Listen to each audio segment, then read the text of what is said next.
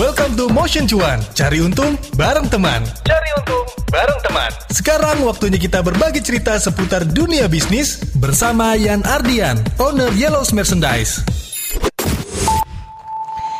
Ya, selamat datang di Cuan Cari Untung bareng teman di Tap Out sama Cheryl sama Adit teman motion. Yoi. Yang namanya cari untung itu bisa dari mana aja. Setuju dong. Ya kan? Bisa. Harus halal tapi. Harus. Bisa nih gue. Dit, dit. Gue lagi di Bandung nih. Lo Ya. mau nitip makanan gak? Wah, baik banget. Nih mau dong, share. Gue nitip cilok gitu kan. Cilok Jojo cilok di Iya, rental PS sebelah rumah gua ada ah, itu cilok. belum tahu cilok Bandung namanya cilok Cipaganti itu, bah, gue beli nih. Ya dah, oke. Harganya kan dua puluh ribu. Mm-mm. Oke, nyampe ke Adit. Nih Dit, tua berapa, Berapa, nih? Ah, nggak usah, nggak usah dua puluh ribu, tiga lima aja gitu kan. Oh, dapat dua cilok gue.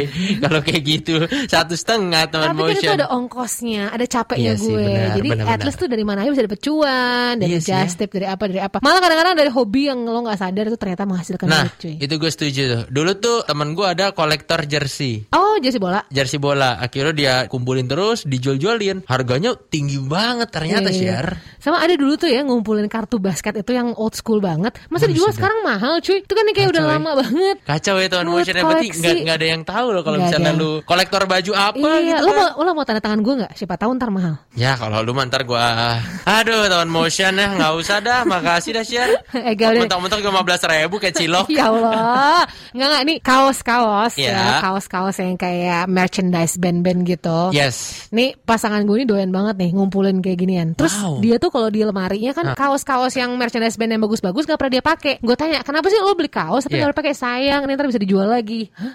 Oke jadi harganya Tuh. makin mahal gitu ya Iya, Belum pernah dipakai Ternyata gitu bisa cuy koleksi si vintage tees merchandise bisa jadi dijual. Tuh teman motion ini buat lo yang mungkin jatuh cinta juga sama kaos-kaos merchandise dan lain-lain untuk band gitu ya. Kita ngobrol di Motion Cuan kali ini barengan sama Ian Ardian, owner dari Yellow's Merchandise. Halo Mas Ardian. Halo, eh, sebenarnya panggil utek aja sih sebenarnya lebih enak panggil utek aja. Soalnya kita- Utek? Eh, eh, gitu. Oh, ucek, ucek, ucek, ucek, ucek gitu kayak lucu gitu ya mas ya.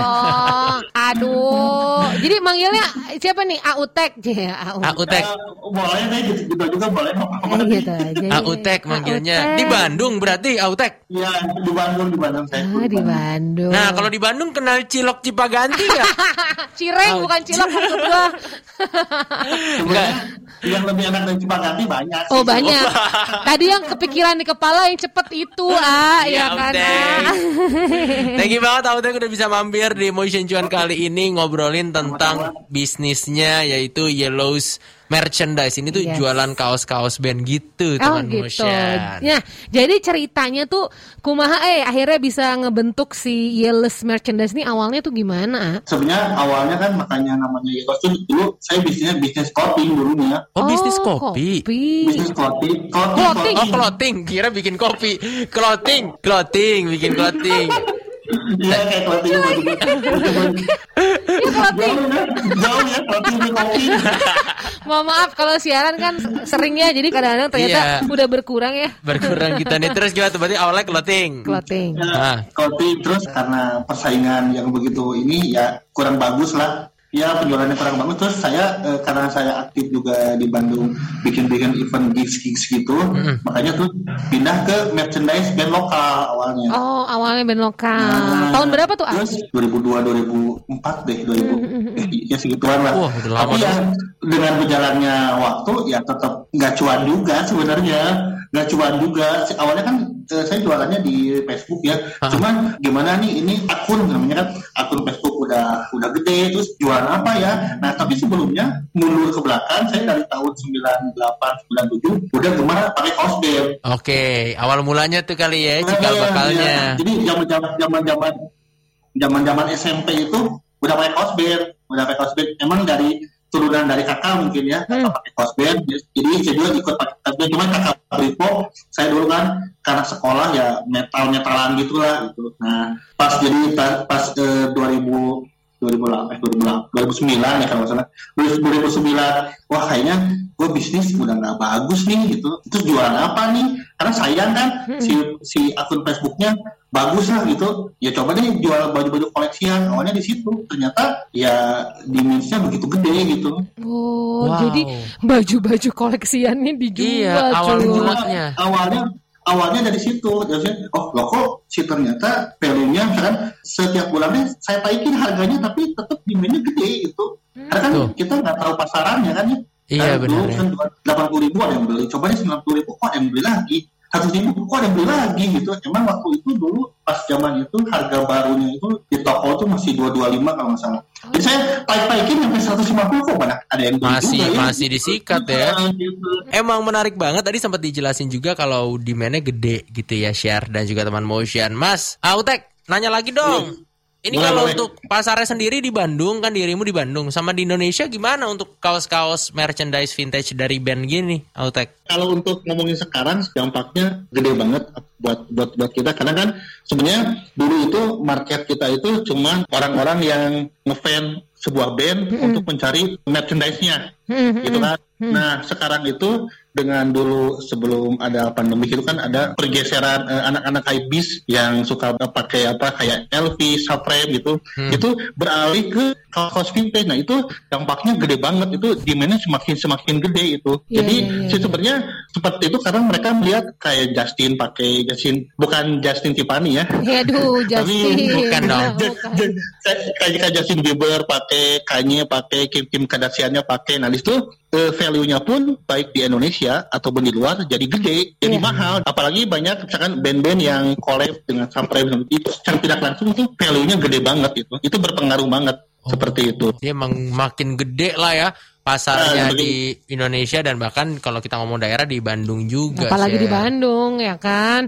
Nah tapi berarti sekarang dengan ada banyak peminatnya gini, kira-kira berarti kan yang lebih banyak band lokalnya apa band luarnya nih? band luar yang yang banyak dicarinya band-band luar Band-band luar yang banyak ya. Wow. Ih mantep banget dan deh. huntingnya pun harus di luar huntingnya pun harus di luar mau nggak mau itu Iya benar benar benar. Nah benar. itu kalau huntingnya sendiri gimana dirimu nyarinya? Nah, sebenarnya wah itu jungkir balik juga awal-awal kena cukai. Karena kan di Indonesia itu ya mudah-mudahan biaya cukai nggak denger ya bagus kalau dengar siapa tahu kan menjadi masukan ya. Sebenarnya kan dulu kan sering kena dicukai soalnya kan kita ada undang-undang kan tidak memperjual tidak boleh memperjualbelikan barang-barang Iya, bekas betul, betul. Oh, karena bisa merusak perekonomian di sini katanya gitu Mhm. makanya nyampe dengan berjalannya waktu saya bersama tim nyampe buka gudang di empat negara Amerika Jepang Jerman sama Inggris Oh, wow, wow, udah gudangnya udah go Gudangnya internasional udah ya. go internasional ya. Jadi, jadi jadi kita eh, taruh dulu nyampe sekian piece, nanti hand and carry jadi dibawa. Oh, Oh, wow. Berarti kamu ngontrol yang ada di luar negeri juga dong, Autek. Iya iya kita ada gitu. Karena di cukai itu totalnya sampai 30 kaos itu kalau dirupiahin itu nyampe ya 150 jutaan. Ya hilang, hilang nggak jelas itu. Barangnya di tracking nggak ke mana yang itu. Makanya ya udah kita mau nggak mau harus seperti itu. Iya iya iya karena di tiap negara emang peraturannya beda-beda gitu ah ya. Beda beda beda beda beda beda. Ah, ah, ah, Jadi kita, dan kadang-kadang kita pergi sendiri ke Malaysia, ke Jepang untuk hunting. Soalnya kalau kita datang langsung ke sana harganya lebih murah sebenarnya. Bukan lebih murah sih, mahal. Cuman dibawa ke Indonesia kita bisa ada untung. Iya iya iya Iya, iya. iya. Biasanya I see. tuh eh, range harganya dari yang berapa sampai paling mahal berapa sih? Katanya ada yang belasan Tujuh. juta. Yang belasan puluhan tadi kayaknya ada nih. Kalau ngejual sih sebenarnya yang yang pernah kejual itu saya paling kemarin tuh dinosaur GR 32 juta. 32 juta. Di pas kemarin Desember di Jakarta di acara USS Oh, Iya iya. Ya kan saya juga di, di, di, di sana buka booth kan temen ada yang nyampe laku 70, 60 satu piece-nya itu. Wow. Wow. Itu untuk satu kaos ya. Teman satu motion ya kaos. 70 juta. Pulang kamu bawa NMAX 2 katanya ya. itu di, di di Bandung ada loh si kejadian anak SMA dia datang ke sebuah pameran gitu Hah? satu kaos tukar sama Mio serius ini ada di Bandung ampun. itu kalau kalau itu urban legend ya di Bandung kalau ternyata pasti si, si semua orang tahu Wow, mantep banget tuh ya. Iya. Dan motion karena emang seharga itu. Tapi aku penasaran deh. Ini kan kalau ngelihat dari uh, perkaosan dunia band gitu ya, merchandise merchandise dalam tanda kutip banyak yang palsu, ya kan? oh iya Uh, itu ya, ya itu itu Nah itu gimana makanya cara itu. cara kamu sebagai owner dari Yellow's Merchandise ini bisa mempertahankan ya memang kredibilitasnya asli gitu di tengah banyak yang palsu kan jangan sampai malah Wah mikirnya gila yang ah ntar Yellow's-nya dibilangnya palsu lagi kan jangan sampai seperti itu gitu kan. Ini gimana tuh ya, caranya? Saya juga masih tetap belajar, tapi saya tahu nih, oh ini yang benar ini yang yang nggak benar. Soalnya di Indonesia itu parah banget sampai ada yang eh, apa bikin tanks tank ro- rolan Iya. tag yang eh, tag yang tahun 80-an di- dibikin cuman tetap tetap tetap tetap beda sih. Cuman kan bagi orang-orang yang awam kan pasti nggak akan tahu. Nggak tahu. Ya kan? Iya benar. Iya. Ya kan kalau untuk ngebedain pasti kita harus tahu misalkan contoh nih ya tahun 80, 90 sama 2000 deh ya. Ya. Terus sama sekarang itu kan perbedaannya kalau di apa kalau dilihat jauh banget beda. Contohnya mesin jahit tahun 80 sama mesin jahit tahun 2000 beda kan. Iya, Hasil jahitannya beda. Iya, iya. Makanya kita harus lihat dari cuttingnya, jahitannya. Terus misalkan tahun-tahun 80 misalnya dua bahan atau tiga bahan. Tahun 2000 itu sudah satu bahan. Contoh misalkan tahun 2000 atau 90 100% cotton. Iya. Nah, untuk di tahun 80, tahun 80 itu ada rayonnya, ada cottonnya, dan Oh. secara tekstur dipegang pun beda sebenarnya. Oh, gitu itu ya. Jadi kita jadi makin tahu juga Jadi nih. paham nih ya. Motion. Aduh, gue tuh yang paling penasaran gini loh, ah. selama ini kan ngejalanin bisnis ini gitu ya, tantangan atau kesulitannya nih yang selama ini lo rasain apa sih ya? Kesul kesulitan mungkin ya. Iya. Apalagi pas kemarin ada pandemi kan sebenarnya yang beli kita itu bukan cuma di Indonesia tapi di luar juga ya. Iya. Mhm. Di luar juga. Untuk selama pandemi itu kita ya udah nggak bisa ngirim karena berbagai negara udah nggak mau menerima paket dari negara yang kasus COVID-nya gede tinggi gitu kan. Benar, Itu benar, udah. benar. Jadi makanya selama dua tahun kemarin kita keluar itu stop lah, bisa bilang stop itu si keluar paling ya di, di, di, Indonesia di Indonesia aja gitu. Yang kedua kesulitannya ya, ya pengiriman barang, pengiriman itu sangat sangat sangat sulit. Sebenarnya kan kita beda ya dengan tripping itu beda. Kalau tripping itu misalnya kan dari jaket celana kita sebenarnya ada juga dulu bisa dapat dari trippingan, cuman sekarang Iya. yang mainnya udah banyak banget, yang mainnya yang meleknya udah banyak banget. Padahal sekarang yang jualan pun dapat barang dia browsing dulu gitu kan ya. Iya, iya, Dan iya. pasti ngejual pun pasti mahal gitu. Makanya kita lebih keluar itu pengirimannya itu sih sebenarnya yang disulit. Jadi Nah, secara teknis ya sebenarnya ya. Benar. Ya, Berarti dan kalau itu. misalnya emang keluar negeri susah dan mungkin ada teman motion di sini yang ngerasa udah deh gue pengen kayak Autek tapi mainnya dalam negeri dalam negeri aja harus kuatin komunitas dong Autek kalau Iya, misalnya mau se- si- sebenarnya kan kita juga di Bandung atau di Indonesia itu komunitasnya udah udah gede banget. Meskipun secara tidak resmi ada kartu anggota, cuma kita adalah gitu. Kalau misalkan event di Jakarta, event di Bandung itu pasti anak-anak pasti pasti ngumpul dengan dengan dengan sendirinya itu komunitasnya terjalin dengan baik. Oh, dan terbuka buat orang-orang baru kali ya Dan- kalau misalnya ada teman motion di sini yang pengen join Iya. gitu ya. Nah, justru kita untuk orang-orang baru kan itu sebenarnya kayak apa sih? Kayak bukan legenda sih, kayak tempat estafet. Jadi Iya. biar semakin gede ini, ya kita harus kita rangkul, kita kasih edukasi. Soalnya kan dia otomatis beli nih, jangan sampai salah beli karena angkanya gede kan, Iya. modalnya gede kan. Jangan sampai dia beli dengan pas datang barangnya fake gitu, sih Iya, seperti iya, itu. iya. Benar benar benar Seperti benar. Nah, itu berarti apa yang harus diperhatiin tuh kalau misalnya mau beli kaos-kaus vintage nih mesti apa aja yang perlu diperhatiin biar nggak ketipu gitu lah. Sebenarnya kan Indonesia, Indonesia deh kita ngomongin. Sekarang udah pinter banget sih, udah pinter banget dari segi apa pun. Pinter banget ya, cuman contohnya mungkin dari segi jahitan, Indonesia belum bisa jahitan single stitch itu dengan jahitan satu. Karena mesin jahit itu udah nggak ada. Gitu. Kecuali kalau dia punya mesin jahit itu, mungkin dia bisa itu sih yang satu dari jahitan Oke. satu. Cuman kan vintage ada jahitan dua, ya makanya kita lari ke sablonan. Sablonan 90, 80 itu beda dengan sablonan sekarang. Tinta catnya beda. Kita bisa bisa rasain secara di tekstur bisa dirasain. Contoh ini Iwa nih, ya ini Iya. sablonan Iya, sekarang ini, ini beda sablonan ya. sekarang karena merchandise band itu kan sebenarnya mah pabriknya lah kan ada pa- si pabriknya yang dirilis di pabrik A, pabrik B, pabrik itu karakteristiknya pun beda-beda. Contoh misalkan ada hands, ada screen star, ada broken itu si tekstur beda. Kalau stay kita bisa ngerasain oh ini mah kayaknya dulu tagnya ini deh gitu seperti itu. Oh alah, jadi emang ada karakteristik Iya. tertentu nih teman Nah. motion dari Autek gitu ya. Nah kalau di tempatnya Autek sendiri yang sekarang ada nggak mungkin baju yang paling Autek sukain deh, yang value-nya paling tinggi deh, atau mungkin yang paling lama, yang tahun 80-an, 90-an mungkin Autek coba dong di display dong Autek. Kita nih. pengen Bisa- lihat. Stoknya banyak sih? Iya nih makanya. Kali ini saya ada manuscript picture Wih, ya Wih. tahun 92, terus terus tahun 92. cakep, Wah. Cakep, cakep. Berapa tuh Autek? Otek jualnya 14 juta. 14 juta. dapat Oke. lah. Tolong lah dit. Bisa, bisa, bisa. Kita sih ntar mau patungan Pak PT-PT lah mainnya.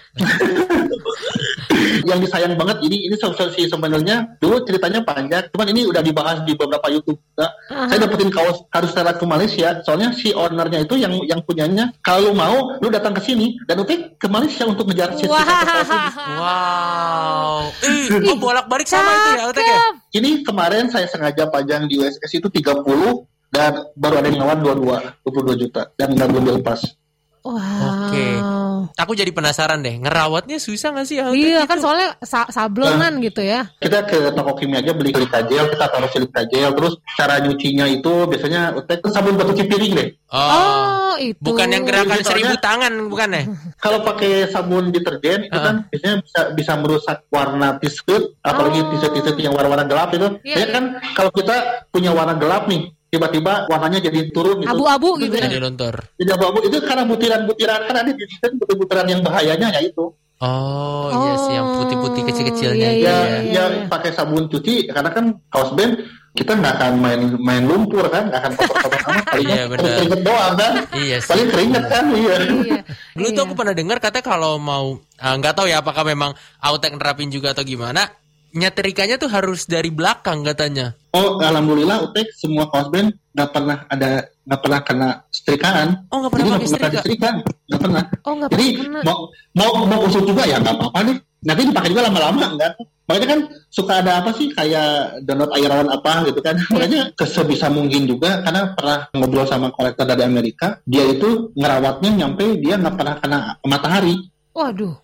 Oh, Jadi terus pakai kipas angin aja. iya. Dry dry biasa aja gitu ya. Nah, Oh. Terus eh, karena numpuk, ya kan eh, contoh yang kolektor kan kaosnya nggak mungkin satu dua, paling selemari dua lemari itu cara perawatannya pun karena menghindari jamur kan per tiga bulan atau si empat bulan mereka keluarin asal asal kena angin aja. Oh. Atau enggak kalau nonton di YouTube sih sama pakai pakai kipas angin, keluarin dari lemari kena kipas angin biar si kain itu kena sama angin, kena udara. Oh, alah. Kalau lebih bagus sih di, di- Nah, dicuci ya, dia direndam. Cuman kan kalau direndam, kalau koleksiannya banyak kan ribet ya, ribet Capek kan. ya, iya. Benar. kaos-kaos band yang koleksian sih beda yang dijual ya kalau dijual sih kadang suka ke laundry cuman kalau yang koleksian itu Utek nggak pernah nyuruh cuci ke orang tuh nggak pernah karena treatmentnya beda mungkin ya karena juga ya Iya benar benar Iya, benar. setuju benar. sih karena rusak kan serem juga kalau dipegang orang ya. Wah, nih. Wah, Wah menarik menarik menarik menarik. Ntar kita balik lagi ya. Kita balik lagi Yes. ya. Ah, baju aja aku rawat, apalagi kamu. Jaelah, quote-nya sedap batu. Autek pasti dulu kayak gitu ya.